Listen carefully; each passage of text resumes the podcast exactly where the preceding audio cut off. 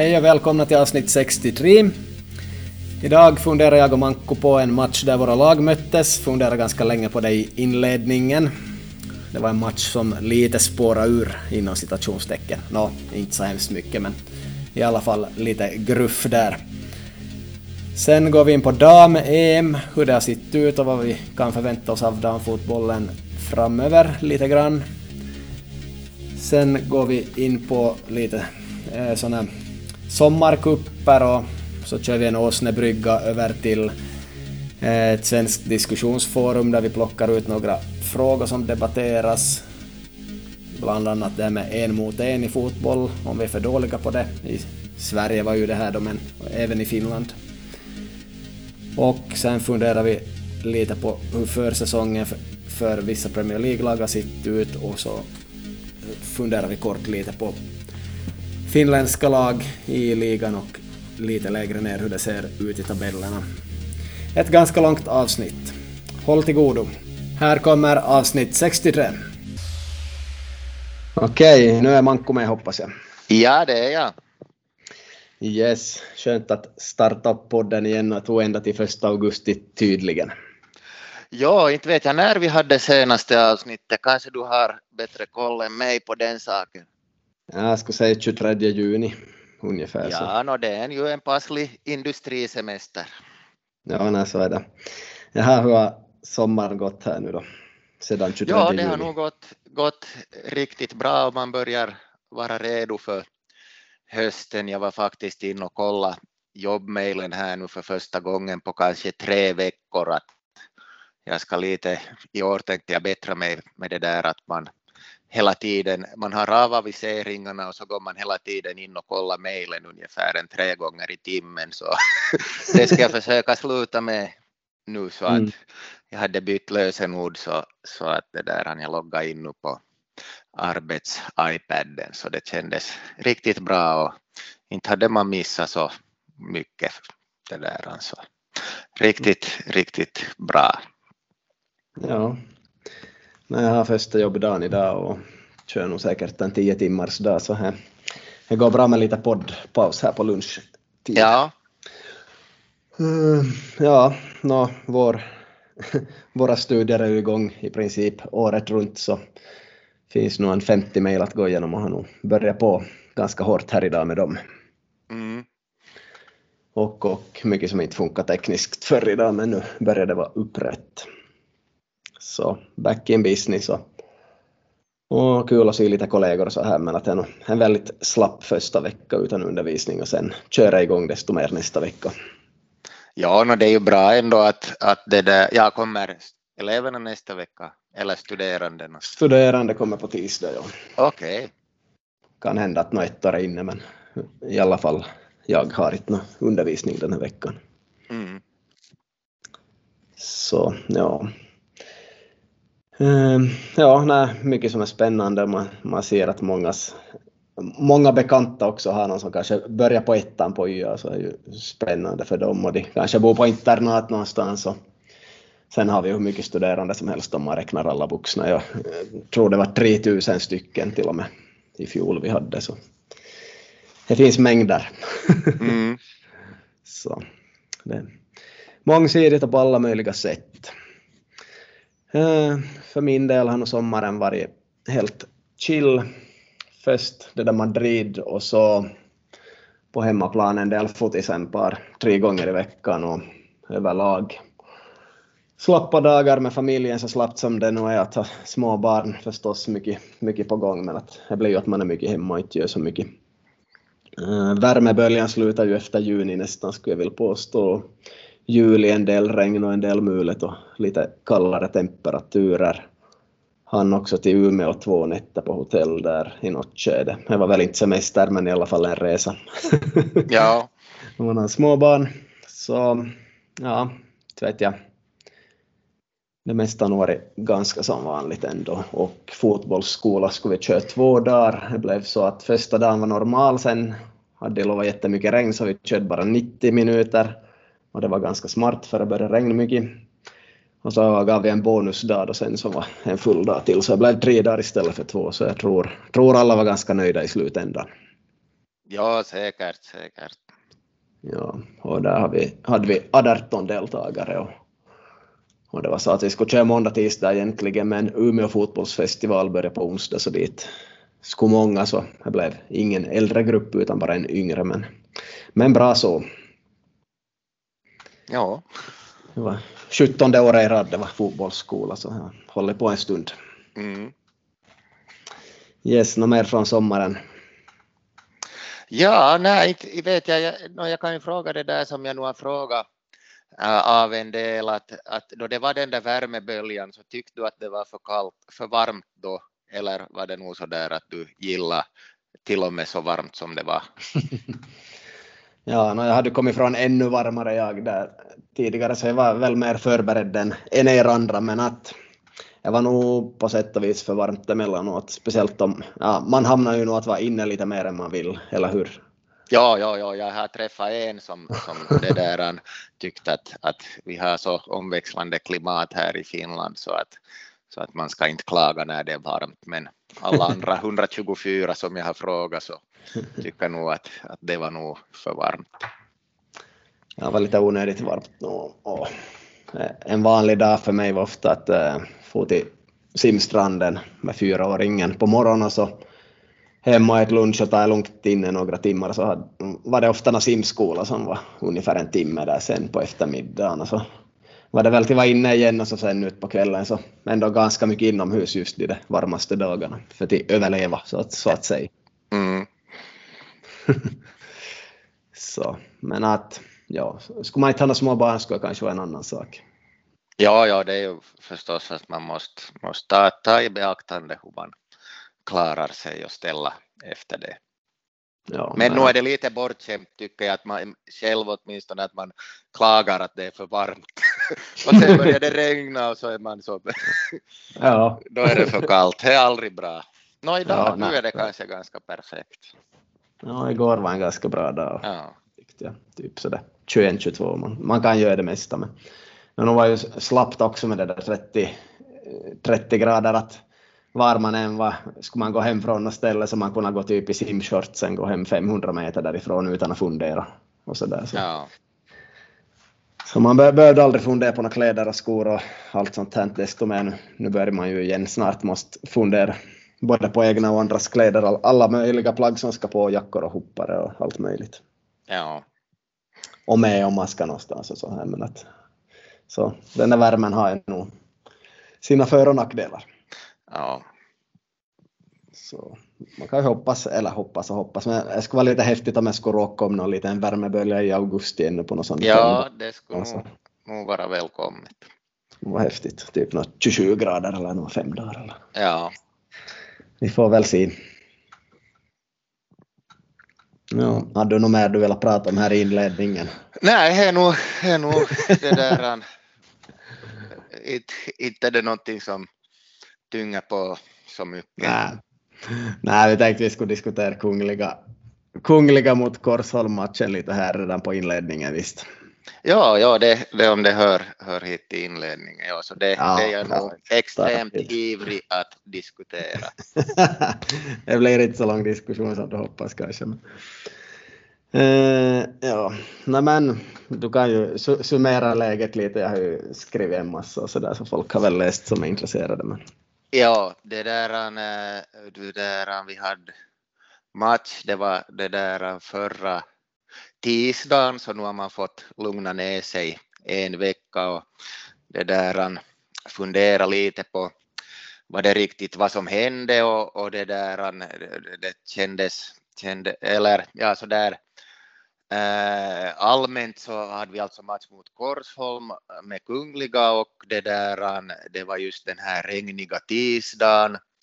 Och det där planen, planen var det där extremt blöt så att bollen kunde när som helst det där stanna. Så att det, det där var ganska chansartat det där spel fast en det där en Korsholm ytter så kom på då att han, han det där han lägger långa bollar åt sig så det där kan han spurta iväg så på en 30 meters sträcka så ryckte han ifrån mig 20 meter. Så det, var, det, var, det var det där bland det häftigaste man har varit med om så jag gratulerar honom också där till på plan för en, en väl det där en taktisk och teknisk genomförd äh, löpning. Han var äh, vänsteryttern säkert. Ja, alltså annars var center men han hade kanske flyttat okay. då till det där till vänster då okay. ibland. Ja. Okay. Äh, så det där äh, på det viset så att det var väldigt, väldigt chansartat. Och, och det där sen, sen gick vi äh, till en 2-0 underläge efter 12 minuter. Det där, och, och eh, Eh, så, så tänkte man så där, ja, det blir väl en 8-0 det här kanske. Men sen så, så det där, jobbade vi nu in oss i matchen och, och, och vann sen med, med 4-2. Och, och, och sen, sen där under matchen så, så blev på något konstigt sätt stämningen sämre och sämre det där, äh, så att det, det där sen, sen så vägrade motståndarlaget att, att det där tacka för matchen så att det var, det var lite märkligt att, att från min sida så, så var det just, just det där en, en ganska så där äh, helt Perus division 4 match att vi hade fick, fick fyra mål då, så att vi var nöjda med vinsten. Ja. Så det, det, är så här kort. Ja. Nej, det hände ju inte så hemskt mycket i er ända av det här fula spelet och filmningarna och allt det här så du har ju varit ganska långt ifrån alla händelser skulle jag säga. Ja, det var fast, fast, du skrev, fast du skrev att det var i sis, er sista tredjedel så jag började ju fundera då att vad vi har gjort där med våra 40-åriga backkollegor men det där. Nej, jag skulle säga att backkollegor är ganska oskyldiga till allt. Så, nej men en, eh, jag skulle säga att det är ungefär allt som du skrev. Sen gick det ju nog att spela någorlunda på mittplan där. På båda sidorna, stanna inte bollen så mycket, kanske mer på kanten och bara ibland på mitten. Så det var ju nog dåliga förhållanden. Gärna skulle man ju spela på en konstgräsplan eller skjuta upp matchen, men att det är ytterst svårt att skjuta upp matcher, det är så mycket schema. Plus att vi har ett till lag vi också, eller vi har två lag till som spelar också, dit det ska spelare. Så att skjuta upp den nästan omöjligt och att byta plan vet man ju att det är jättesvårt. Ja, vi kollar, vi kollar nog med alla de här äh, Fennia, Nya Envallen och Botniahallen och Variska, men att de var tyvärr upptagna. Ja, nej, det var, det var det var inte så bra förutsättningar men att uh, vi hade ju ganska bra lag. Vi hade väl nästan alla spelare till förfogande om jag minns rätt den där dagen. Och eh, nåja, det kan ju gå hur som helst i det där vädret, det är ju inte frågan om det, men då vi nog en gång hade 2-0 och så bra ut så trodde man ju att det skulle gå bra. Ni, men att det var ju mycket som ändrade då 2-0 kom. Folk började spela ganska fullt mot flera av mina lagkamrater i straffområdet och mot mig. Och det är faktiskt först idag som jag hittar tre av mina nyaste blåmärken. Det har tagit länge innan de har kommit upp, det tar nästan en vecka ibland. Och de, det är därifrån. Så mycket rivas, klösas, knuffas, mycket sådana extra. Och också sådana lagkamrater som aldrig klagar på något och aldrig har något att säga. Så till och med de höll på att klaga. Och var nog störda. Och vi höll på att ropa åt domaren allt möjligt för att eh, vi tyckte vi fick nog riktigt mycket hjälp. Det var ju supermycket långa inkast ni körde med så jättemycket sådana situationer där det knuffas och buffas och så är det en del sidofrisparkar och hönor och allt sånt. Så det finns som otroligt mycket lägen och i straffområdet där det kommer närkamper. Och äh, ja, no, vi, vi gillar inte det sätt som era spelare uppträdde på där i straffområdet speciellt och möjligen utanför. Och jag tog en roll att, att bli den som blir arg och spåra ur lite inom citationstecken för att jag vet att annars skulle någon annan garanterat ha gjort det. Så, så jag spelade hårt och tufft och lite härjande och sådär och drog på mig ett gult kort bland annat. Men att det fanns också spelare som filmade och förstärkt mycket situationer och sånt från ert lag. Så nu, nu vet jag att det hör till division 4, 5, 6 fotboll, men att eh, man kanske inte förväntar sig det av ert lag och vissa spelare som gjorde det och så där. Så Ja, inte vet jag, har ni hunnit diskutera det? Så. Ja, nej, alltså jag, jag det där, just det där med klösande så, så det, det där vet jag, jag kan begära ut den här matchen lite men att inte, inte tror jag nog att det har på det sättet klöst och det här Nej, med, inte med flit kanske. Nej, nej så att det där ja, såklart inte men. Att, att det där klös det reagerar vi på, det, eller jag talar nu för mig själv, just det där klösande och sen också filmande och, och förstärkningar så, så vet jag inte riktigt heller. Och sen, sen så, så tycker jag att, att det där att egentligen det där så, så börjar den här dåliga eh, stämningen där med, med dina det där eh, närkamper och, och det där eh, äh, stor i käften och buffas och, och lite sparka på tårna. Att jag tycker egentligen att det var du som det där startade hela det här men det är nu som från min sida så att jag tycker att, att det var ganska äh, konstigt just att, att du startar, startar det här och sen vägrar ni att tacka det där. Så att det så där från, från min eh, synvinkel så, så kändes det nog som att det var en helt annan, annan match som, som du beskrev i dina kanaler, men att, att jag hade ju inte heller glasögonen på. Nej, jag, jag förstår det. Det kan se ut så för att det syns då jag blir arg och då, då jag starta mitt, men att eh, jag har nog startat minst fem minuter före och, och liksom alla mina med, medspelare kommer att klaga på allt som händer. Och, och det där klösar, klösar är ju inte med flit men att i alla fall är som folk som går in hårt på en på massa olika sätt och gör saker som de inte ska göra. Och, eh, och, och svarar och debatterar på ett sätt som jag inte alls gillar där. Och det har som startat för det då inte vet om är fem eller tio minuter före, men sen börjar spela hårt och fullt och, och vi försöker få domarna att börja ta itu med de sakerna och se, se mer och mer, men att får inte så mycket hjälp där.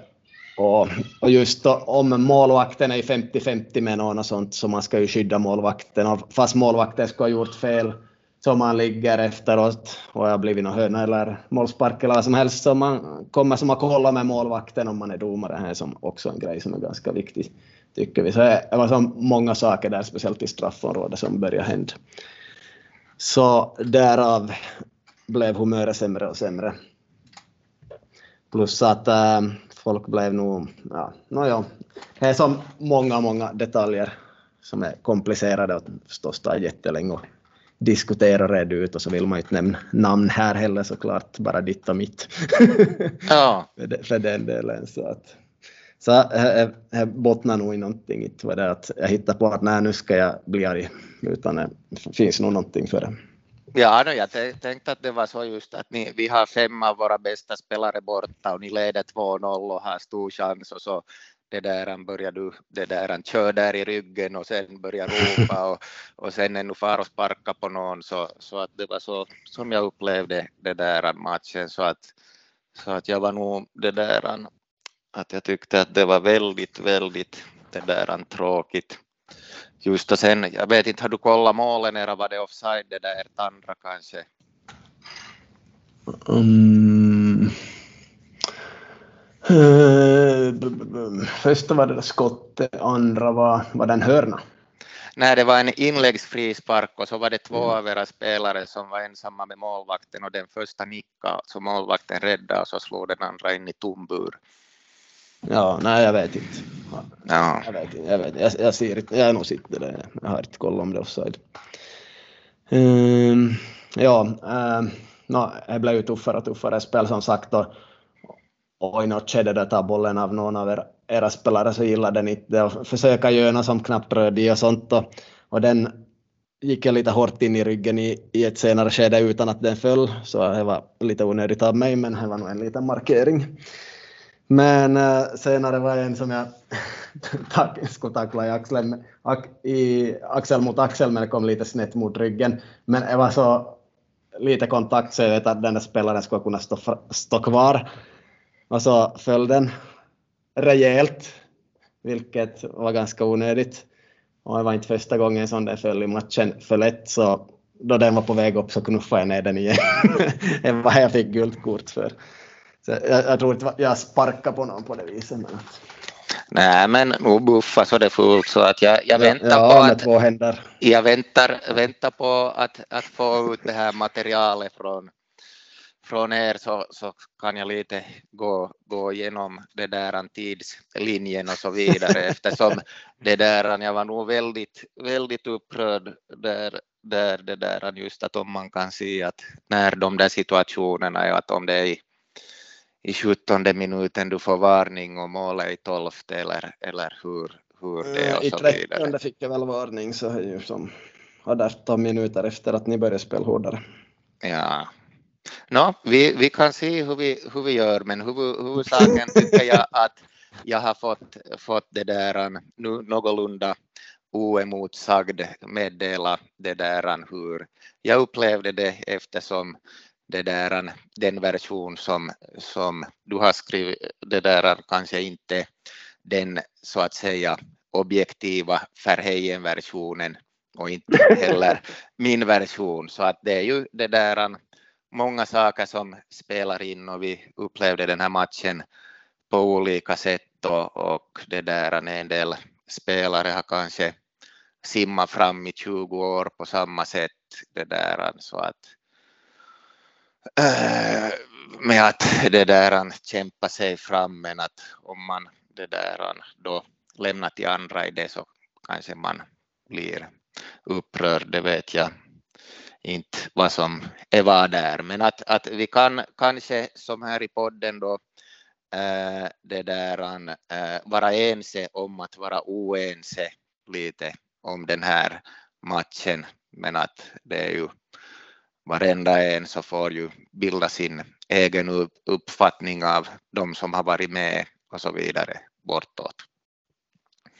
Så är det, och du har ju varit långt ifrån vårt straffområde i princip hela matchen, så du har varit långt bort i alla fall. Nu blev ljudet lite sämre här, hör du. Jag har bytt mikrofon här, ja. Jag tror, jag tror vi kör på en liten stund till så ska jag försöka fixa det problemet. Ja. Du kan höra mig i alla fall visst? Ja, ja, nu hör jag lite, lite sämre bara. Ja, att alla får bilda sin uppfattning och vissa har varit på den där sista tredjedelen och vissa inte. Um, så det om det. Sen var vi ju väldigt arga på domaren. Det var mycket och det har varit förr. Så jag bad spelarna att göra en, en sån här utvärdering för man ska skriva efter varje match, en domarrapport. Så jag bad dem att ge en siffra mellan 1 och 5 och koppla bort sina känslor och se på det objektivt vad de tycker.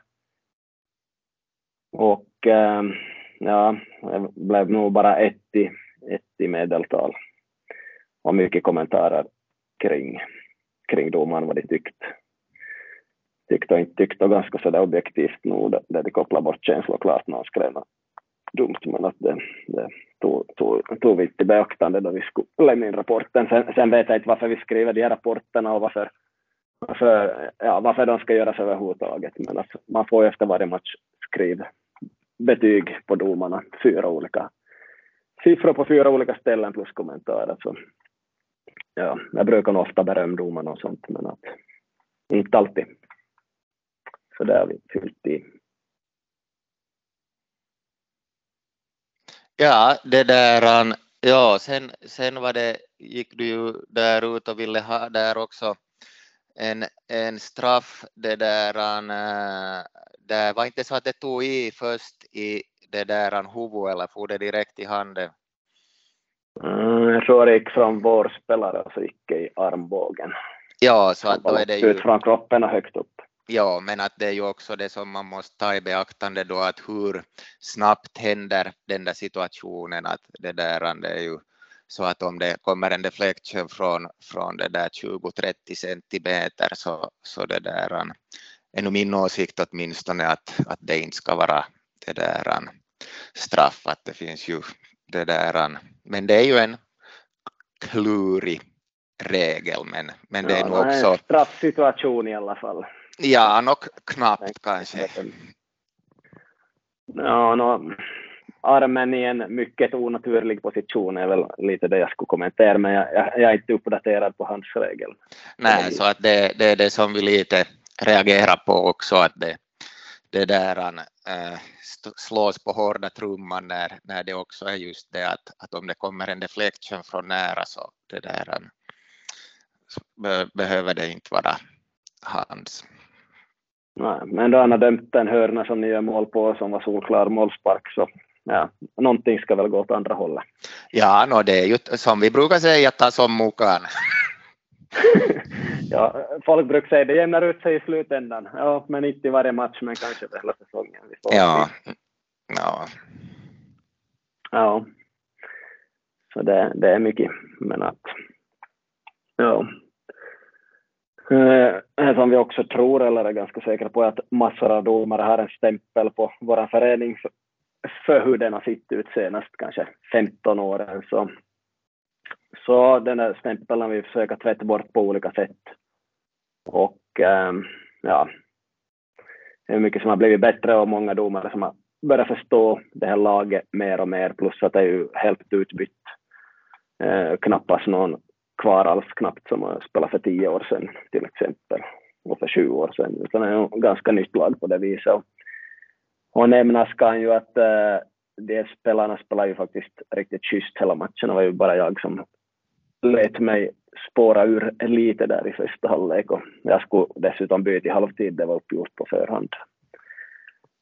Så jag hade råd att ta ett gult för mitt byte dessutom. Men att ja, så jag ska säga att mina lagkamrater spelar överlag schysst den här matchen. Och här har nog någon från Kungliga sagt också. Ja, inte vet jag, vill du tillägga något mer här? Nej, no, just, just det här med att, att, det där, att man inte tackar efter, efter matchen så, så det där, det upplever jag nog också som det där extremt märkligt.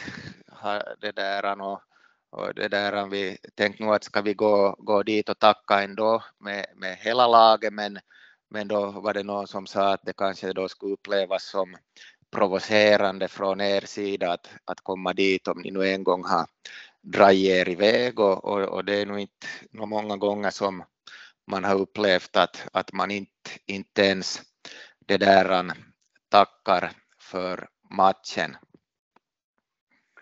Ja, är nog ovanligt för oss som lag. Jag tror inte vi har hoppat över det samma lag nu på, på två år kanske enskilda spelare har nog vägrat gå ta i hand efter matcher. Det händer nästan varje match att det är någon blir så pass het och arg på någonting. Men att som lag har vi inte gjort det på två år, att vi har hoppat över det. Men främst är det en markering mot domarna, eller huvuddomaren främst, för att vi har diskuterat mycket efter en match, där han gav ett rött kort redan i första halvlek. Vi har diskuterat mycket efter den matchen. Vi diskuterar inte så mycket före matchen kanske den här gången, men i halvtid, det var första gången jag måste prata med domarna i halvtid, säkert på, ja, jag minns inte när jag skulle ha gjort det senast på flera år. Och det blir ändå som ingen bättring ur min synvinkel. Så eh, främst en markering mot domarna att inte gå in och ta i hand, men att Nåja, ni hade ju också spelare som har filmat förstärkt och Buffo och Rivi och Knippi och, och, och varit stora i munnen framför allt också mot folk som är på våran bänk som inte är på plan och sånt så är ganska oacceptabelt. Så det var nog också en markering mot er. Sen har ju nog vårt lag gjort dumma saker genom åren och, och sånt och säkert spelat fullt mot er säkert för något år sedan och sånt. Och, och ni har ändå tagit hand om det. Förstår jag är ju bra men det är små tekniska problem emellanåt.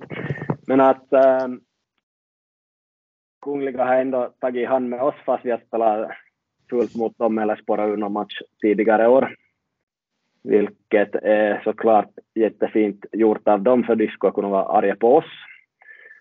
Ähm, däremot kan man förvänta sig lite mer av Kungliga som har kanske typ 15 finländare varav 80 procent har gått på universitet jämfört med vårt lag där det är ganska så tvärtom. Så, så det, det är inte två lag som är precis likadana om man sammanfattar det lite kort på det viset. Så, så vi, vi fungerar inte riktigt likadant så det kort sammanfattat. Men att det här var nog ett undantag att inte ta i hand som lag. Och främst en markering mot huvuddomaren men eh, också lite grann mot sådana som står och ropar mot bänken från plan, vilket är helt oacceptabelt.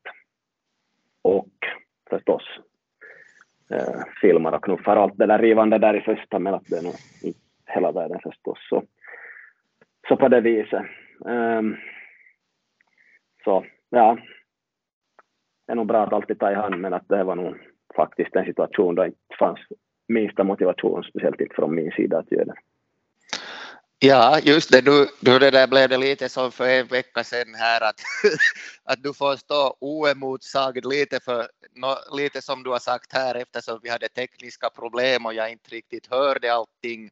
Men, men lite kan jag ju kommentera det här äh, som, som äh, du sa här om det här att ropa mot bänken. Kan, kan du tänka dig att det har någonting att göra med det här din dubbelroll som tränare och spelare, att det kan vara svårt för våra spelare att skilja på när du är spelare och när du är tränare och speciellt när du har betett dig som du har gjort i första halvlek? Ja, det kan nog hända, men att ehm, äh, är på plan får man nog behandla mig som en spelare, såklart. Eller det, det måste man ju, men att då är jag utanför plan så är jag nog tränare inte, det är ju frågan om annat inte. Så jag sitter nog bara i i huvudet i så fall om man inte förstår att jag är tränare då är jag utanför plan. Jag gör ju ganska mycket annat än ropar från sidan. Jag gör ju byten och instruerar spelare och allt möjligt. Så, så man måste nog förstå att jag är i tränarroll direkt, jag är utanför plan. Men att ja, säkert kan det hänga ihop lite. Yes, ja, så att det, det, det om det sen... Men inte ropar man heller åt spelare som är utanför plan vid bänken på det viset om jag skulle någon annan spelare då man är på plan så man pratar med publiken och, och motståndarnas bänk överhuvudtaget. Det gör man inte. Man pratar med egen bänk eller de som är på plan. Mm. Och sen när man vill vara stor i käften så får man vara stor i käften för domaren bryr inte sig. nej, nej, så du, du kan, kan fortsätta med dina disningar.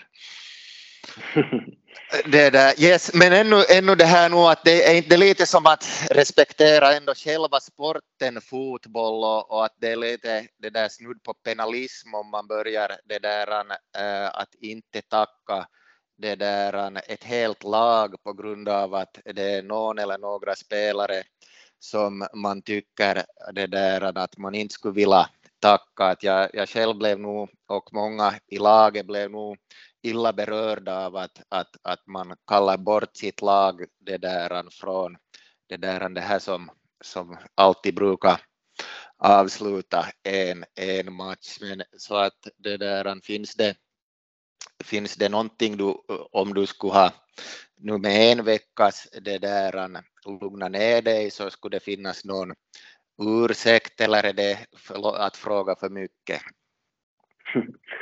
Eh, men som ni inte ser så är vår bakgrund vad vi har sysslat med här i snart fyra säsonger att vi har ju supermycket i bagage av alla dess situationer. Så, och det kan jag inte hjälpa er att se, men det finns där i bakgrunden och det är synd att det drabbar er på det viset.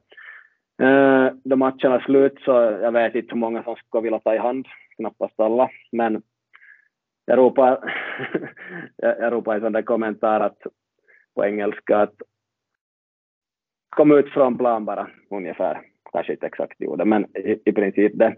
Så hörde jag hur dumt det lät så jag sa, så jag la till, två sekunder senare la jag till, um, om ni inte har lust att ta i hand ungefär. Men att det kom nog mycket folk och tro på nog så högt att jag kan tänka mig att de som var kantspelare och kanske högst någon i mitten hörde, men speciellt inte på andra sidan. Men hela laget kom väl ut.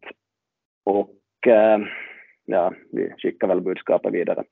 Så det var nog onödigt sagt, nog skulle jag fått i hand med hela laget om de skulle vilja. Men de gör nog sina egna beslut också, så jag tror inte det så hemskt mycket att jag sa det där. Kanske någon, men att jag tror nog de var inne på samma linje, för de var nog rejält irriterade både i halvtid och efter matchen allihop.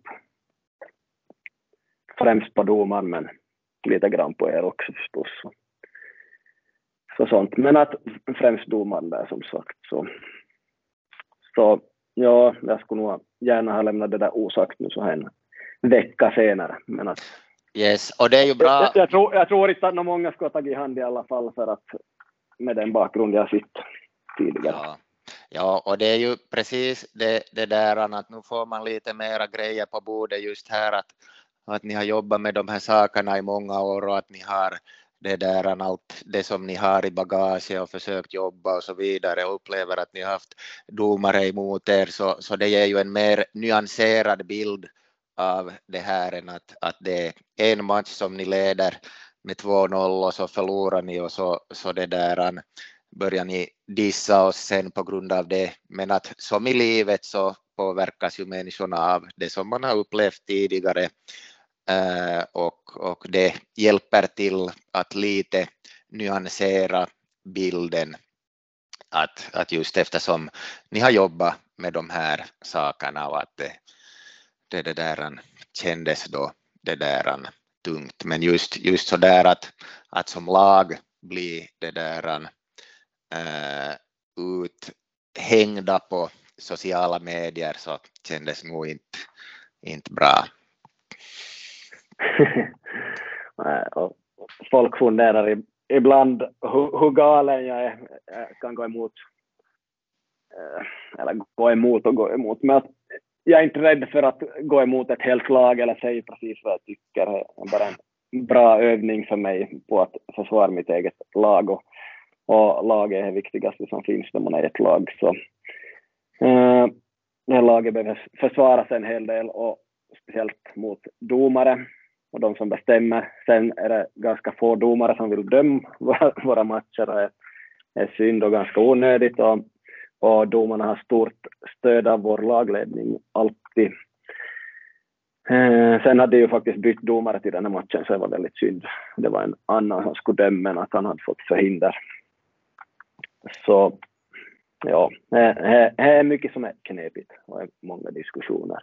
Och det finns som sagt mycket i bagaget, mycket bakgrundsjobb, så, så allt det här spelar in. Och äh, ja, men att jag tyckte det var lite kul, lite kul också som ett eh, lite skämtsamt först att se vad synonymen till kungliga betyder, för det är ju kanske inte riktigt så ni spelar i den här matchen ändå. Om du såg på synonymerna. Och uppträdde, oberoende av hur andra uppträder.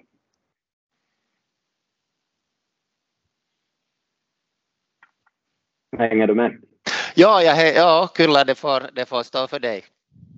Ja, nej, absolut. Och lite grann på skoj förstås, det där att plocka fram de där synonymerna.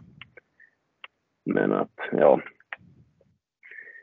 Nu, skulle, nu fanns det ju finare sätt att spela på och vinna på för er också, skulle ha funnits, men att det var, det var 2-0 underläge och man förstår nog att man spelar på ett visst sätt också, men att det var inget sätt som vi gillade och inte, dessutom inte med den där domaren som inte... Ja. Nej, nej, jag, jag, ser, jag uppfattar inte någonting av det här, det där att det skulle ha ändrats någonting eller någonting sånt, så att det, det är därför just som jag, som jag är så det där konfunderad. Ja, ja, ja. Nej, men, no. Bara som exempel en situation, jag minns inte täckte ut bollen eller vad gjorde jag, men att äh, det var en spelare som äh, han skrapade både min sida och min arm mer eller mindre, men han klagade på att jag hade på armbågen. Eller nå, det var som något läge där jag helt klart täcker ut bollen och han har ingen chans att, att få den, så vad gör han ens där när han ska börja potta och blanka i det. Bara som en situation av jättemånga. Och just det jag hör som äh, mittfältskollegan börjar klaga och berätta hela tiden, är som inte bara för att klaga åt mig, utan det är som att vad ska vi göra åt saken? Det är ju det som det betyder. Så vad ska hända? Och då domaren inte hjälper så vet jag att om, om inte jag gör något, då kommer någon annan att göra något. Då kan det bli ännu värre. Så massa små, små grejer på det viset. Yes, men vet jag, sådan, sådan bild från vår sida, men att inte inte hyser vi något agg mot några enskilda spelare eller någonting i efterhand överhuvudtaget inte, men att klart att det har vissa konsekvenser. Vi gillar inte vad Kungliga har gjort och därför kommer vi knappast att spela träningsmatcher nästa år om Kungliga skulle vilja, vilket vi nog knappast vill. ja, har vi spelat på tio år mot er träningsmatch? Mm, jag var nära att vi skulle spela i år, men jag hade inte passligt. Så, ja. Så då mötte vi väl ABC istället om jag minns rätt. Men att, hur som helst, bara en sån där grej att det, det finns som där. Och att flyttmatcher kanske man inte är så ivrig att hjälpa till med i, i fortsättningen. Vilket nog är jättesvårt varje säsong också eftersom det finns så mycket matcher och så lite planer. Ja. Så sånt är nog ändå som finns kvar efter den matchen. Yes. Ännu någonting? Nej, no, ja, alltså jag, mitt, mitt mål var nog just bara att få säga lite, lite det här, äh, min, min syn på saken och att vi det där eh, agree to disagree och att du det där eh, eventuellt ångrar att du sa att dina spelare skulle gå ut. Så att jag tror att, att då behöver jag inte, inte gå igenom min 28 punkters lista det där på vilka saker som jag tycker att var fel i dina sommarinlägg och inte heller spika upp det där mina 95 teser på Korsholms kommungård det där om de här sakerna så att så att det där eller gå igenom med alla videoklipp och, och allting där det där vad som, vad som det där nu syns i motljuset och så vidare så att, så att det där vi we agree to disagree och det finns många sidor av, av allt och så får man begära ut det där filmen om man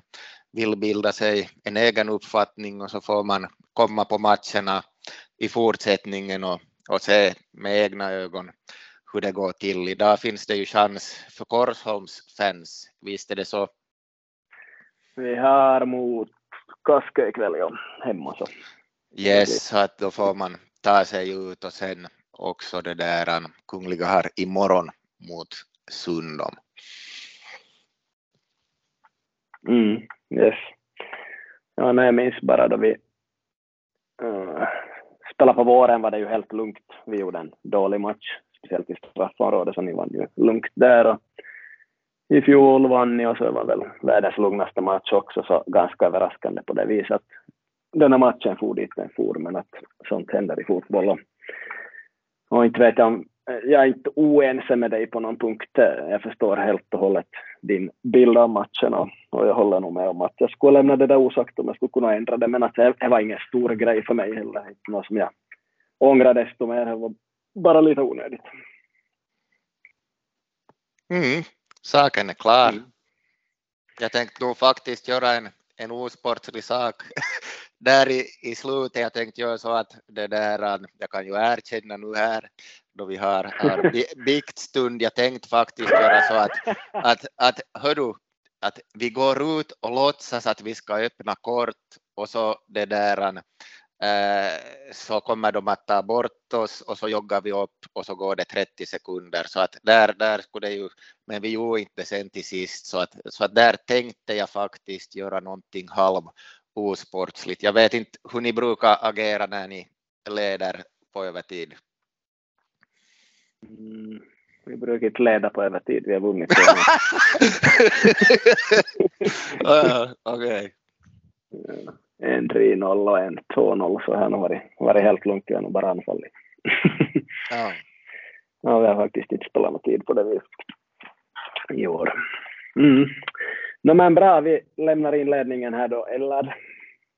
Ja, nu, nu kan vi säkert, säkert gå vidare det där. Yes. Ja, ja, så ni brukar inte överdriva några skador eller någonting annars. Det, där, det är något annat som jag har hört då, det där. Uh, no, ja, du har hört från kraftmatchen som blev 1-1 kanske, då vi hade två utvisade.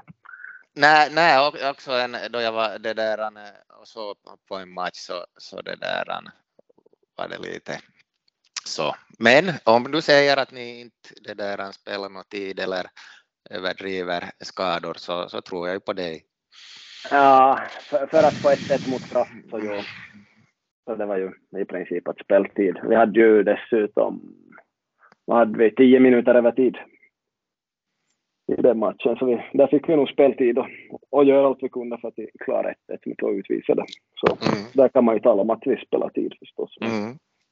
Annars har vi vunnit 3-0 och 2-0 så har inte funnits så mycket tid att spela. Nej, okej, okay, no, med, med de klargörandena så kan vi gå vidare säkert. Ja, det blev en lång inledning och vi körde vidare med ämnet dam-EM.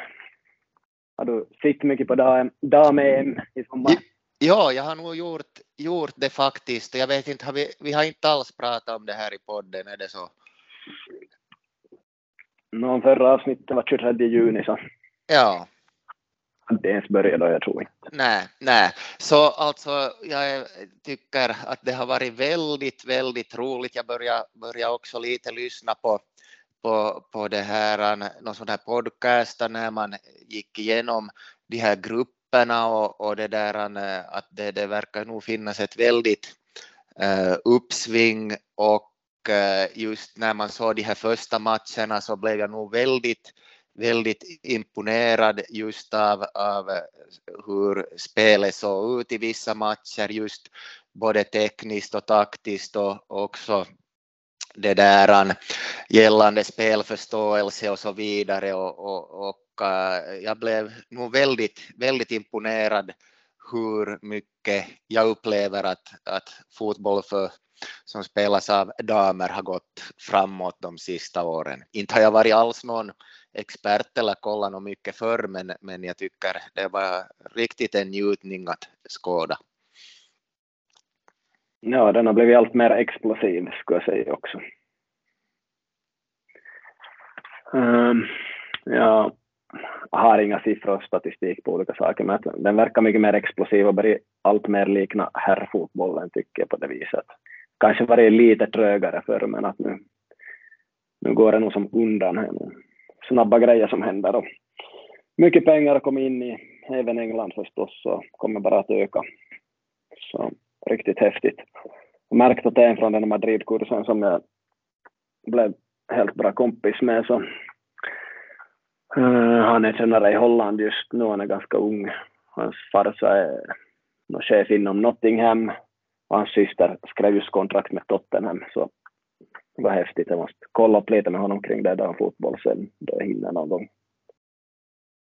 Ja, och, och det som, som ju kanske lämnar, lämnar lite det där äh, som, som eftersmak, så det var ju det här att, att Sverige, det där han skrev ju åtminstone media upp sig själva som guldfavoriter medan, medan de inte på det sättet övertyga äh, så ofta förutom stundvis, men sen kom de ändå till, till semifinal och via kanske lättare väg dit. Och då hade de igen nog ju allt att vinna, att, att få slå lite ur underläge, men, men det som, som ju lämnar, lämna kanske lite eh, för de vännerna av nordisk fotboll att fundera på, så det är ju nog att, att det verkar ju nog som att, att utvecklingen, även om, om speciellt Sverige kanske har spelare i de allra största klubbarna, äh, har stampat lite på stället i Norden att, att det såg nog det där inte alls lika explosivt och, och, bra ut som, som för de här absoluta toppnationerna, kanske då speciellt inte för Finland och, och Danmark och Norge klappar ju då ihop att, att, att man får ta sig en ordentlig funderare vad man ska, ska göra för att det där äh, ha bra landslag, att det, det kanske i och med att det kommer mera pengar så, så kanske spelare börjar, börjar fara utomlands tidigare och tidigare och kanske kommer att utvecklas då mera i andra länder än här i Finland och de andra nordiska länderna, men, men det är nog någonting att, att det där lägga bakom örat, fundera att hur ska vi eh, avstanna det här rycket som, som görs av lag nere på kontinenten och länderna. Mm. Ja, ja. Eh, speciellt England kommer nog att få mycket pengar eftersom deras herrklubbar har så mycket pengar. Och det här. Plus att det finns pengar redan i Frankrike och vissa andra länder, men att hela Norden kommer nog kanske att stanna av lite om de börjar få tidigare iväg som proffs, flickorna eller kvinnorna också så att säga. Så ja, får se bara. Det gäller nog att vara på tårna, som man alltid ska vara med, speciellt med för finsk damfotboll. Och ähm, ja, det var ju intressant att Finland nu ska byta tränare också, att det har varit lite mediakarusell där med hennes metoder och sådär, men jag, jag, förstår att hon vill att man bara pratar engelska då hon är i ett rum. Och jag förstår att hon har dem att jobba på natten om de är videoanalytiker, för det, det är nog så det går till i, i alla lag jag har hört åtminstone på landslagsnivå att medan spelarna sover, då brukar egentligen också huvudtränarna och assisterande tränarna sova och de som jobbar med video så jobbar hela natten och får gå och sova sen. Så brukar det vara mer eller mindre, men att äh, sen, sen har jag inga inside information från damlandslaget om någonting speciellt, men att säkert var hon en helt bra coach den här, den här men att det var, det var kanske inte så enkelt att lyckas med Finland i EM. Jag har inte hört något speciellt. Nej, jag har nog inte hört heller att det som kan tilläggas var ju kanske att lite kritiserades de här sena bytena också i, i vissa matcher, men, men precis som du säger så, så kanske inte det är så lätt att, att lyckas med, med det laget som, som står till förfogande, att det var kanske just det att man fick, fick vara med och tog sig dit som kanske var den här äh, grejen då även om man naturligtvis man försöker, försöker sitt bästa när man väl är där. Ja, det är så enkelt i efterhand att börja klaga på några sena byten. Det finns ingen annan än huvudtränaren som vet, eller borde veta när byten ska göras eller inte göras. Så är ju ett stort beslut att inte göra byten, så där har han ju tagit stora beslut. Ja. Så är alltid risken. Ja, nej, får se vem de får som nästa tränare. Och både man ser på finländska inhemska ligan för herrar så finns det en hel del tränare med utländsk bakgrund och nu hade vi då en med utländsk bakgrund i damlandslaget så här och jag vet inte, har Finland för dåliga tränare så vi måste ta in från andra länder en massa eller skulle vi nog kunna satsa lite mer på våra, våra egna så att säga. Så har ju gått bra med Marco Kanerva i alla fall. Ja. Så jag vet inte. Det får någon fundera på. Uh, för övrigt så jag hade Sverige nog som en favorit ihop med England. Men ja, Sverige jag, jag lyckades inte riktigt. Det var som du sa stundvis bra, men ändå inte. På helheten, England och Katie vann ju varenda match kan man säga, fast det blev på övertid här senast. Så de var helt bra och grymma. Sen Holland trodde ju hårt på nu på något vis. Tycker de har varit hårt på framgång på senare år men att det räckte tydligen till ännu. Kanske de kommer ännu hårdare här inom några år. Frankrike och Tyskland visste jag inte att de var så det bra måste jag säga faktiskt, så de två överraskade mig. Ja, där är ju, det var ju också äh, att en del, eh, äh, var det spa, några lag tappade några av sina det där bästa spelare, det där både före turneringen och sen också under turneringen. Jag vet inte om du såg Frankrikes den där första matchen då de hade ännu sin, sin anfallskärna som, som nog gjorde mål på de här chanserna så att, så att jag hade nog att, att bara hon skulle kunna spela så, så tror jag nog att, att Frankrike skulle ha varit där uppe och slagit så att det var nog väldigt imponerande att se, men att skador, skador hör ju till och den här ersättaren var lite inte, inte alls samma klass så att det, det är ett lagspel. Ja, sen har ju nog Sverige också drabbats förstås av, av de här covidfallen, Ibland har det varit covid och ibland inte, men att klart det påverkar om de måste börja bo i olika byggnader och vara i väntan på test hit och vara i väntan på test dit och allt möjligt. Så det kan ju ha haft en massa problem som man inte har så mycket insikt i ännu. Ja, kyllä, och just det som, som jag läst någonstans, just att eftersom det var så osäkert så, så just med det här att fundera på vilken matchplan man ska ha, så kan ju bero på vilka spelare man har också att tillgå, vilka egenskaper de har och med en sådär stor osäkerhet så, så kan man inte ha fila till perfektion på sin matchplan som, som man annars ska kunna göra. Ja, så det covid hänger ju ännu kvar mer eller mindre, speciellt inom idrott då, eftersom man måste isolera folk. Och så, så här har det ju, har ju kanske inte funnits så mycket sjukdom för spelar man ett EM i ett varmt land på sommaren, England är ju varmt nu för tiden, så det är nog sällan någon skulle få feber eller något sånt. Men att, men att ja, det, det har nog på, påverkat också, kanske mer än vi, än vi vet om, eftersom vi inte får all information. Yes. Så, ja.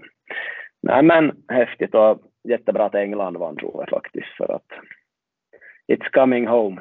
Plus att ja, det var 87 000 i publiken och, och ja, det blir mycket större då de vann på hemmaplan så ja. säkert ett stort uppsving för damfotbollen.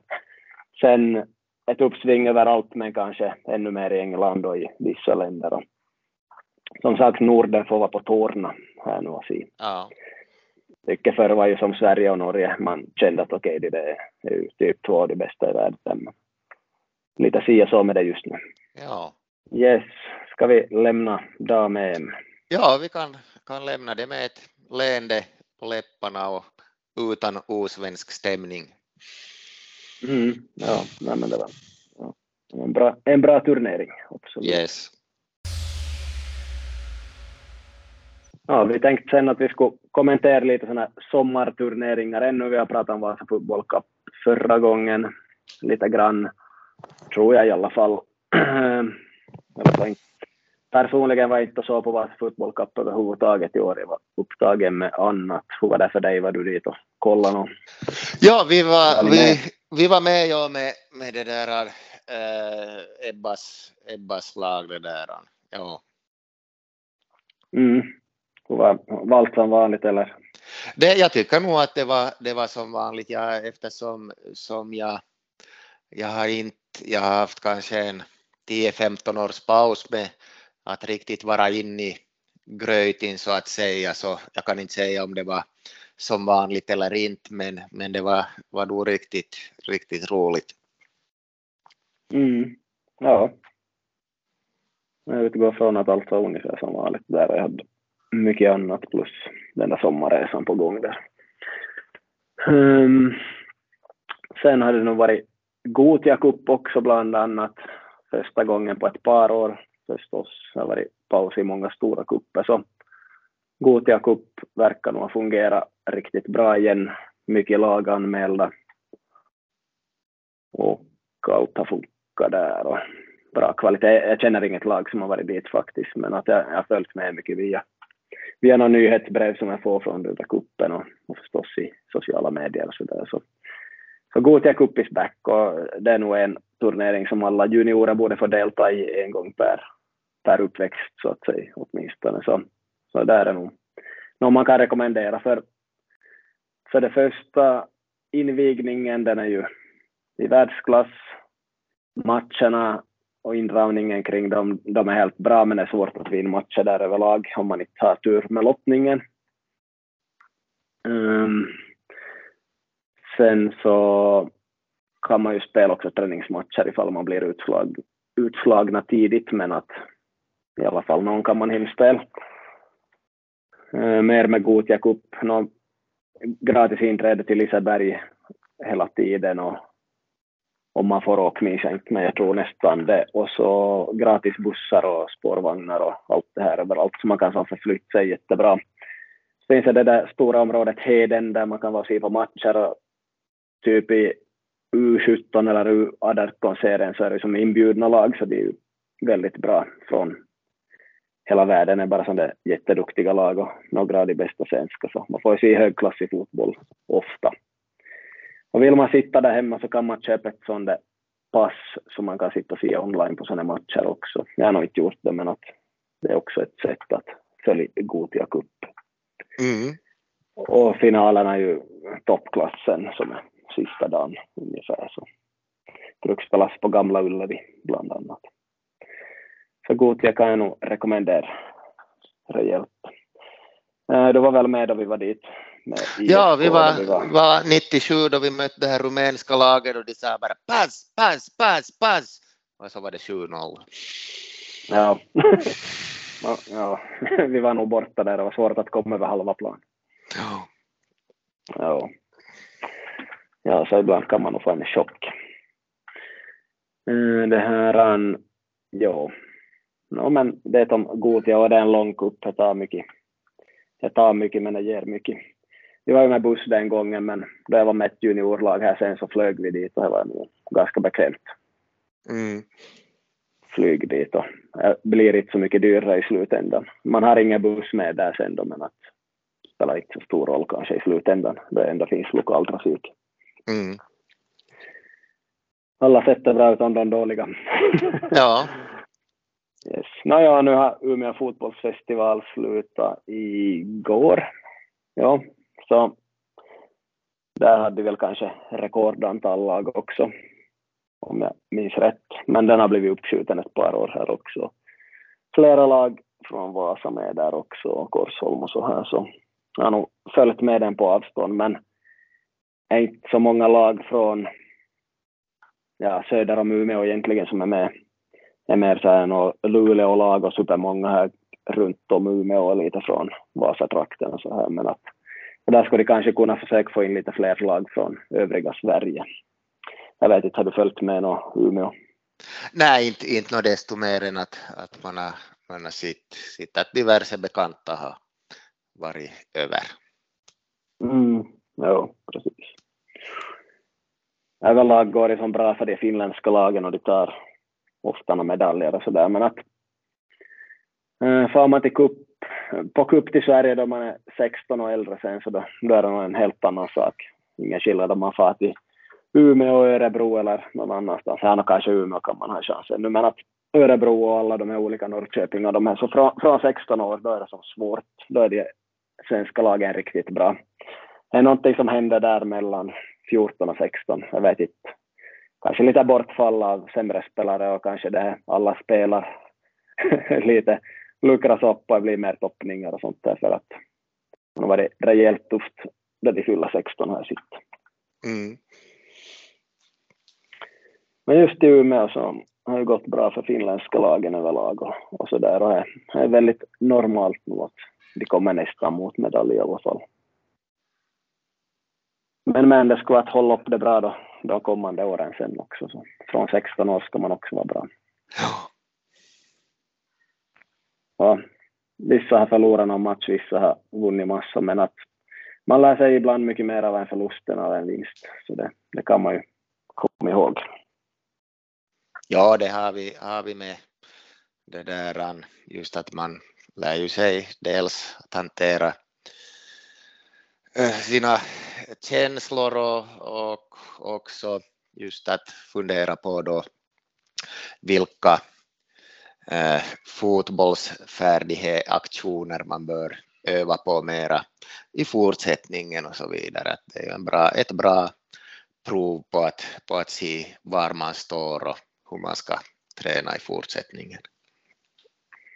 Ja, speciellt som tränare ur den synvinkeln och just spelarna kanske ändå kan, om de reagerar på rätt sätt så blir de taggade att, att äh, jag skulle vilja vinna, det gick dåligt, jag skulle vilja lyckas mer med vissa saker, det gick dåligt. Nu ska jag nog ta tur med min träning och komma i tid till varje träning, jag ska vara på varje träning och jag ska göra någonting på egen hand och bla bla bla.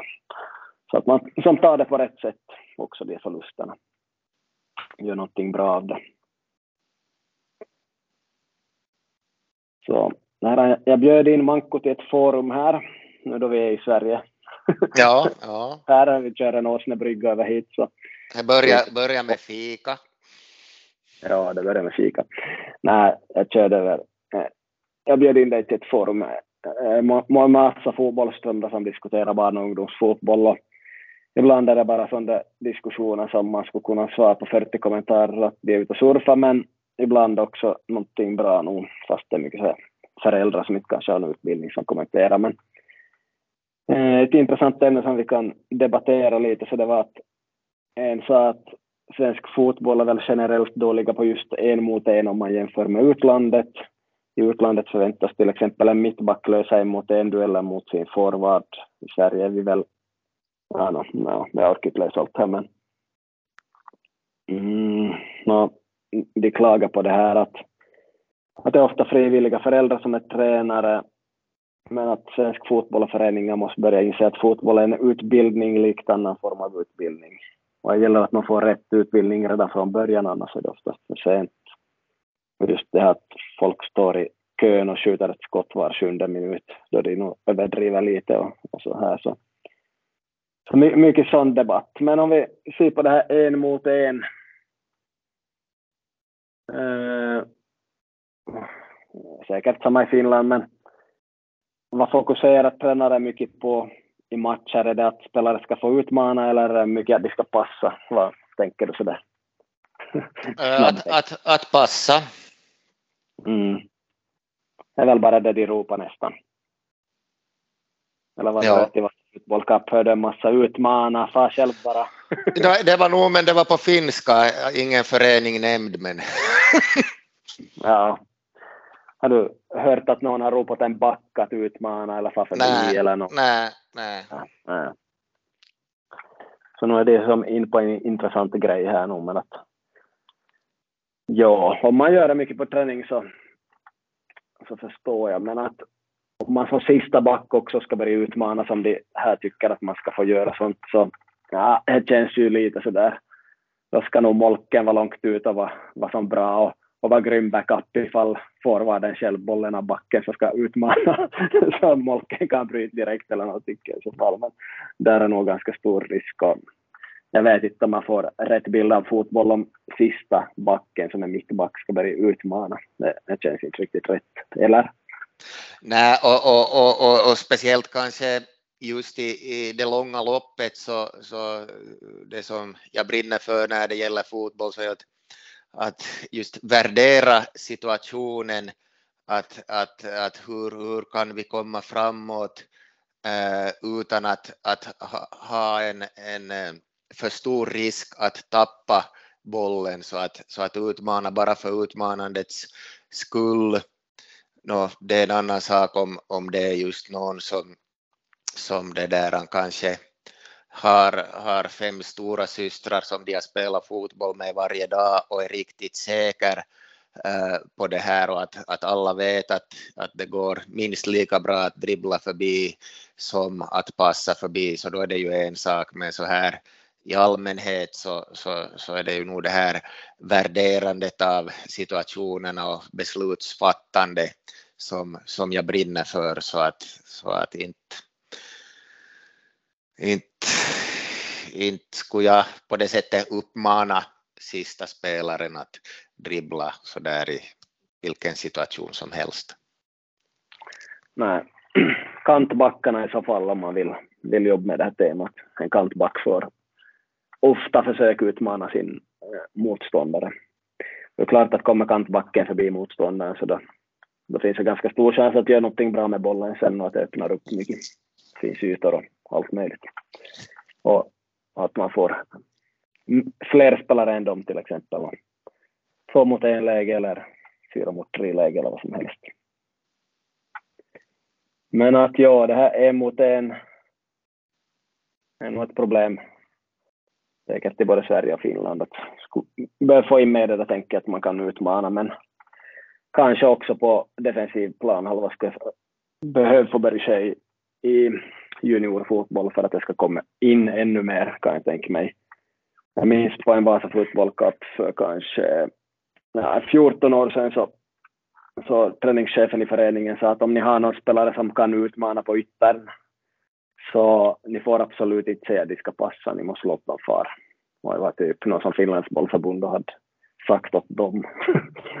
för att det är så lite spelare som utmanar speciellt yttermittfältare som utmanar som man fick som inte säga att de att de skulle pressa.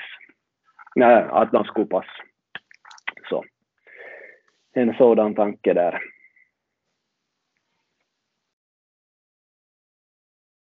Men att mm. ja, det är allt möjligt. Men det här är mot en och att ta sig förbi motståndaren så är nog någonting att tänka på och fundera hur man ska utveckla det. Vi måste nog ändra någonting och bli modigare där tror jag faktiskt.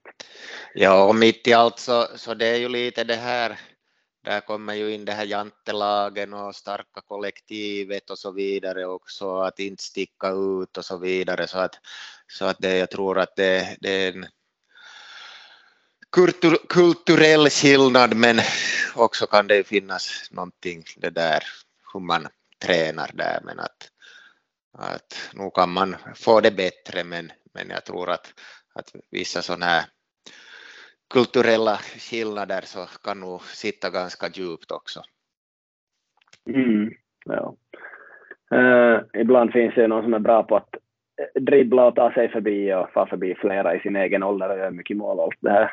Då flyttas det ju ofta upp med ett år äldre och där kanske de inte kan göra det så mycket så slog mig just bara som en tanke att eh, blir de sämre dribblar då, då de flyttas upp till ett år äldre eller kommer de till få de där egenskaperna att funka där också småningom. Det beror ju på tränaren förstås också vad den kan göra, men att det finns en del att fundera på kring det där nu. Ja, det, det är väl Ja, det finns, det finns alltid en del att fundera på gällande ganska mycket. Ja. Men det där emot en är nog viktigt och det är inte så enkelt att träna heller för att vi behöver någon sorts kontext också. Vi behöver få in det i träningssituationer som liknar matchsituationer förstås. Så, och har vi bara en mot en, man startar från en linje och man ska över en annan linje, så man kan få till både höger och vänster om den där spelaren. Och det är väl okej okay på sätt och vis nu på träning, men att eh, då man ska dribbla förbi någon i en matchsituation så man är väldigt beroende av både motståndare och medspelare, var de är placerade. Så det, det är ju det som avgör om man måste gå till höger eller vänster om man ska förbi någon i princip.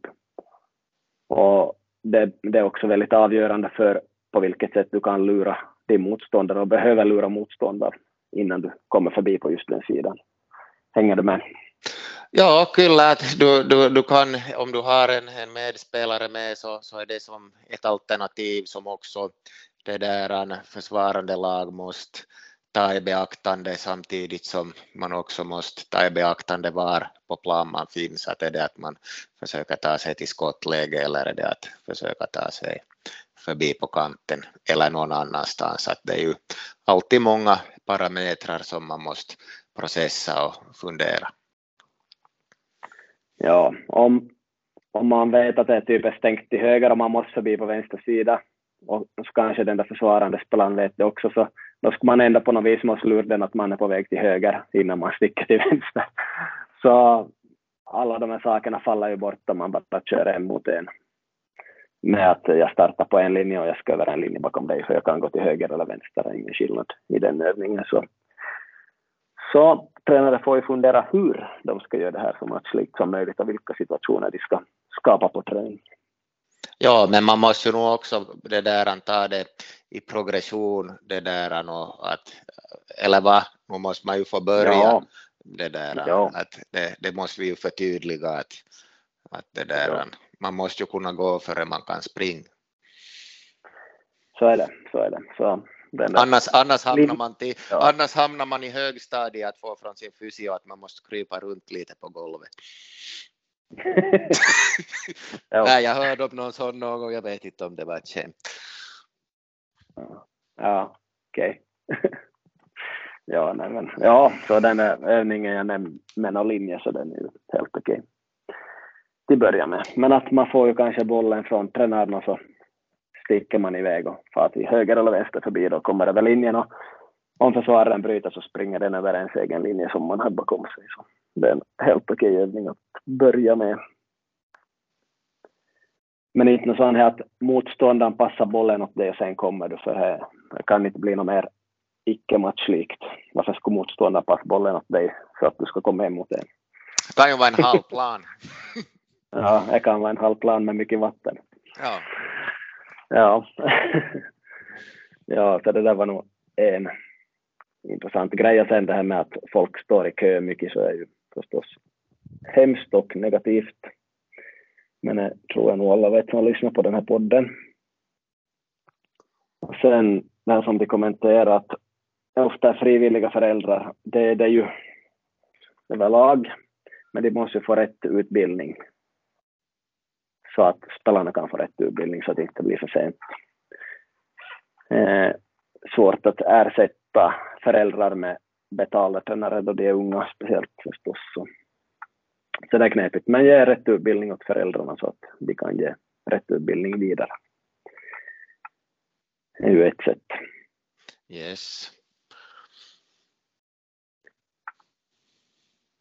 Det andra intressanta som kom här i ett annat inlägg, det var att ni som tränar lag i 7 mot 7-klassen och ålder 10 till 12 år, hur mycket löpträning trycker ni in i era träningsplaner? Bakar ni in ordinarie träning eller Ja, det där, det där var ju som ett öppet, öppet mål för en Färhejen lärjunge eller vad? det var nog väldigt öppet mål. Alltså. Kul att se vad de sitter och kommenterar sen också. Men äh, det som vi måste komma ihåg med all fotbollsforskning är att då det funkar och man har träningstider och allt sånt, så då, då behöver vi inga löpträning utan boll inte överhuvudtaget. Och eh, bakar in löpträningen, och ja, det behöver man inte göra, det är bara att använda spel på träning. Så det är ju, det är ju enkelt så långt, men sen är det ju det att har man konstgrästid en gång i veckan, 60 minuter, och man har spelare som vill träna tre gånger i veckan, så så vad gör man då? Ja. Då kan man ju hitta på något, men man får nog inte på länk i alla fall, men att man kan ju köra olika intervaller kombinerat med någon styrka eller vad som helst, så att det nog blir någonting, men att i så fall intervaller och inte sådana 10 kilometers eller 5 kilometers länkar, det blir, det blir helt fel i alla fall. Så på det viset kan jag förstå den här frågan att baka in, men att speciellt i sommartid kan jag förstå det. Okej, i Stockholm har de väldigt dåligt med planer, men att i alla fall räcker väl att få till en park så kan man spela fotboll, tycker jag. Ja. Så det var nog öppet mål och det var väl en 40 kommentarer där, så det var ganska intressant. Många hade nog kommenterat bra där och fått mycket, mycket gilla reflektioner på sina, på sina inlägg och så. så. Ja. Så du får ju vara med och följa det där forumet. Man följer ju inte Ja. för att se någonting oftast utan för att få ett gott skratt eller Ja. lite. Mm. No, det finns ju, ja, kyllä. ja. Yes. ehm, vi kan kommentera kort bara försäsongen här och någonting. Alla vet att Haaland har flyttat till Manchester City. Jag frågade de norrmännen om de ska kalla honom för Haaland eller Haaland. No, det är nog Haaland. de norrmän jag träffade där i början på juni och eh, han har väl typ bytt namn till Haaland mer eller mindre själv verkar det som för tillfället. Men han är där och har kommit massa andra värvningar. Arsenal har Gabriel Jesus och Zinchenko och andra klubbar har sina och så här och det blir, blir en intressant Premier League. Men det har varit en intressant försäsong här. Du kan ju dra några reflektioner av Arsenal här, vad de har gjort på sistone kanske. Ja, de hade ju här det där um, spelat mot Sevilla här och ledde med 4-0 efter det där 12 minuter. Eh, så väldigt, väldigt bra ut och den här Saliba som har varit ut på lån i många säsonger så kan verka ganska bra med bollen och snabb och stark och Ben White spelar högerback så att vi ska se, se lite hur det går. Det ser, ser nog riktigt, riktigt bra ut för Arsenal. Även om man funderar på att det där han avslutar Hector Bellerins, Bellerins kontrakt Eh, eftersom han kostar ändå 110 000 pund i veckan så att man skulle spara den löneposten om han skulle få flytta tillbaka till Spanien. Men, men så där på det stora hela så, så ser, det, ser det riktigt, riktigt bra ut för, för Arsenal och vi får, får också tacka Bernt Leno för professionella, professionellt uppträdande här under de här åren han har varit i klubben så att det är med tillförsikt man ser fram emot fredagsmys på fredag klockan 22. Mm. Ja, absolut. absolut. Och Arsenal slog Chelsea här också. Sen är ju stora frågan om Ronaldo ska fara iväg någonstans. Det verkar som att ingen riktigt vill ha honom, eller? Ja, det, det var ju han. Det, det varit lite diskussion om lite alla möjliga och vissa fans la upp skyltar att vi vill inte ha honom och sen var han inte med i den här truppen på den matchen som var i förrgår men igår igen var han med i truppen men sen gjorde rykten gällande att han hade farit iväg innan matchen var slut så det, det frö föll inte i så god jord och han hade varit på några samtal med tränaren också i helgen så att eh, man får se, jag vet inte alls hur, hur, hur det gick när för honom eller hur länge han spelade men att det var det som jag såg att rykten gjorde gällande att han hade farit iväg tidigare. Mm. Ja. Det blir intressant, det händer säkert mycket här i augusti. Så det blir häftigt med Premier League tillbaka och sånt. Och sen blir det ju avbrott då passligt där till december eller slutet på november så blir det ju VM och vi får ju se vad det blir för VM då i Qatar. Ja. Säkert blir det ganska normalt men knappast 100 procent normalt. Det blir nog det blir nog någonting som blir annorlunda, jag vet bara inte vad i slutändan. Mm. Det kommer nog att vara någonting säkert där som, som känns annorlunda eller ser annorlunda ut eller fungerar annorlunda ändå. Att ha det i Qatar är så, så pass stor skillnad också från Sydafrika tycker jag som har haft det och, och Ryssland och alla här. Så jag tror det här blir nog ändå en ändring på något vis. Det måste bli annorlunda. Mm. Så det blir förstås intressant. Verkligen. Ja, här äh, Eh, nästa gång vi spelar in en podd kommer vi antagligen att gå in mer på Finland, se på ligan och neråt och så här, men vi kan ge några snabba kommentarer i det här skedet också. Eh, jag tycker VPS har varit bra på gång emellanåt, men då har de mitt i allt förlorade matcher, både väntat och oväntat, så de har aldrig kommit sig riktigt dit upp mot toppen av ligan som de kanske nog skulle haft någon chans på ibland. Men att man är väl oftast där man förtjänar. Eller lite tekniska problem igen. Uh, hur som helst så, ja, jag kommenterar att VPS har ofta varit i en position där de har, skulle ha kunnat ta ett par tre poängare och komma ganska högt upp i tabellen, men nu har man både väntat och oväntat förlorat några matcher så har man ändå inte klättrat så högt man är väl oftast där man förtjänar, men att ibland har det sett lovande ut för VPS. Det är typ min summering av hur det har gått hittills.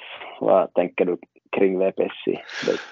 Ja, jag håller, håller helt med att, att det är ju kanske en tre, fyra matcher till och med som det har varit så att, att man, man det där, tycker att det ser riktigt bra ut att det ska bli tre poäng men sen i slutändan har det blivit kanske noll. Och en del skadeproblem har ju funnits. Dels är Strandvall borta resten av säsongen och sen också där i backlinjen en del, det där på tal om spelare som utmanar, så den här Reed är ju riktigt bra på att utmana och han, han utmanar ju ofta med explosivitet. Att det är inte på det sättet någon mycket helikopterfinter eller andra överstegare som gäller, men han har saknats en del, en del matcher och, och det blir en, en intressant höst nu att vi ska hoppas att poängen ska börja trilla in igen. Mm. Ja, absolut. Och i HFK har vi ju två bröder Jeremenko nu då Roman kom dit. Hur tror du det kommer att gå för Roman? Kommer han att kunna påverka HISK? Eh, det är ju eh, lite intressant då att man har ekonomiska problem och ändå kan värva som man gör. Det, man vet ju inte vad han tar i betalt och så vidare förstås, men, men äh, ja, nu, nu kan Uh, nu kan en spelare kan nog göra skillnad det där, åtminstone har vi sett det i lägre serier, så varför skulle inte det stämma i ligan också? Jag har nu inte någon koll på hur, hur matcherna sett ut för dem, att om det är riktigt hopplöst eller inte, men, men det ska nog bli roligt att se. Ja, absolut. Och jag talar ändå med spelare som har spelat 22 matcher i Champions League om jag minns rätt. Så ja, det kan, det kan bli riktigt bra. Vi får se. Vi får se. Beror på spelsystem och allt möjligt. Och hade ju Mikso Paatelainen som tränare så vi får väl se hur det passar in med Roman här i det här skedet. Så där. Vi får se vad som sker med HIFK och alla andra. Och i division 1 har vi ju Jaro, KPV och de här, det är ju nog högt uppe. Men ser nog inte ut att stiga de högsta bottniska lagen i alla fall. Nej, hur ser det ut för Akademia här? De, de börjar ju jättebra. SJK. Mm. Ja, jag har inte kollat. Jag Ja. kan inte klicka fram just nu, men nu går det väl säkert helt bra för dem nu. Ja. Ja. I tvåan om vi ser mer lokalt, västra Finland här så eh, vem är det som leder nu? Är det Ols? Det är JK. JK var det, ja. Ja, precis. Så de, de verkar ju nog ta den där division 2.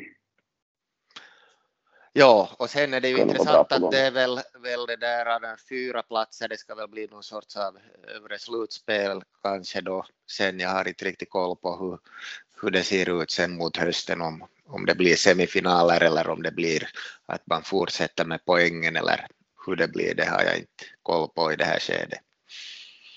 Mm, ja, inte jag heller. Uh, det är som en tränare, jag träffade en tränare som säkert närmar sig 60 snart, träffade honom på, på stan faktiskt. Så han, han sa att det som man inte förstår med många division 2-lag är att, ja, att varför satsar man så mycket pengar och energi om man inte är intresserad av att stiga till ettan? För det finns ju nog förstås sådana exempel på lag som vill till ettan och tvåan ibland också. Eller de skulle kunna stiga och de satsar mycket pengar och allting, men bara för att vara typ i toppen och de tackar nej till platser och sånt här. Så jag hade nog svårt att förstå. Han tycker man skulle ställa sig till pengarna på juniorerna och bygga upp någonting bättre och så. Ja, satsa mycket mindre pengar på, på de här lagen. Strunt samma om de inte är i toppen. Spelar ju egentligen ingen roll om man är andra eller sjätte på det Nej, viset förstås. Så, så den poängen förstår jag ju nog lite och satt mer pengar på att bygga upp juniorer men mm, svårt. Och inte är vi nog så bra på att satsa pengar på juniorer från föreningen tror jag överlag är nog ofta att vi är, första lagen kostar mycket i tvåan och ettan och så här förstås. ja. Men att han hade nog någon poäng där som man kan fundera vidare på i alla fall. Ja. Nej, men vi kan gå mer, mer neråt i divisionerna och fundera mer nästa gång. Det har ju varit uppehåll och knappt spelat så matcher här på några veckor ändå. Så. ja, men nu kör Så, det igång vi- igen och blir, blir en intressant höst. Intressant höst ungefär. Sex veckor kvar av division fyra till exempel. Sex, sju veckor. Så. Mm. Ja, det blir en tuff höst fast man tycker att det börjar bli höst och fotbollen är snart slut, men det, det är ju inte så. Nej, det är nog många, många matcher kvar ännu. Ja, det är massor kvar. Så det, på sätt och vis nu det börjar lite mer, våren kan vara lite så det, eh, om man haft en dålig försäsong så har många kommit igång i och med de här vårmatcherna och nu höstomgången kan bli desto bättre. Ja. Yes, men vi ska återkomma inom augusti har vi tänkt. Det är första augusti idag. Det finns nog folk som önskar att vi skulle ha eh, oftare våra avsnitt och sådär, men jag har ju kommenterat med att det är inte det enda vi gör. Eh, Kanske både och, kanske finns de som önskar att vi skulle ha oftare och de som önskar att vi skulle ha mera sällan. ja, ja, det kan hända. Men vi har nog nästan så sällan man kan ha, typ en gång i månaden för tillfället. Ja. Så, men att vi får se, vi får se. Kan nog bli inom två veckor, eller så blir det inom, inom augusti i alla fall, kan vi ju lova. Ja. Absolut, och då får vi gå in mer och fundera på vilka läger som är på kommande till 4 november vid Norrvalla, både för spelare och tränare och sånt. Så jag orkar inte kommentera det desto mer idag. Nej. Bra. No, men ha en bra start här på skolåret och så ska du ha en bra fortsatt säsong med Kungliga Vasan. Yes, tack detsamma. Ja, tack ska du ha. Tack, tack. Tackar för idag. Hej då. Hej bara.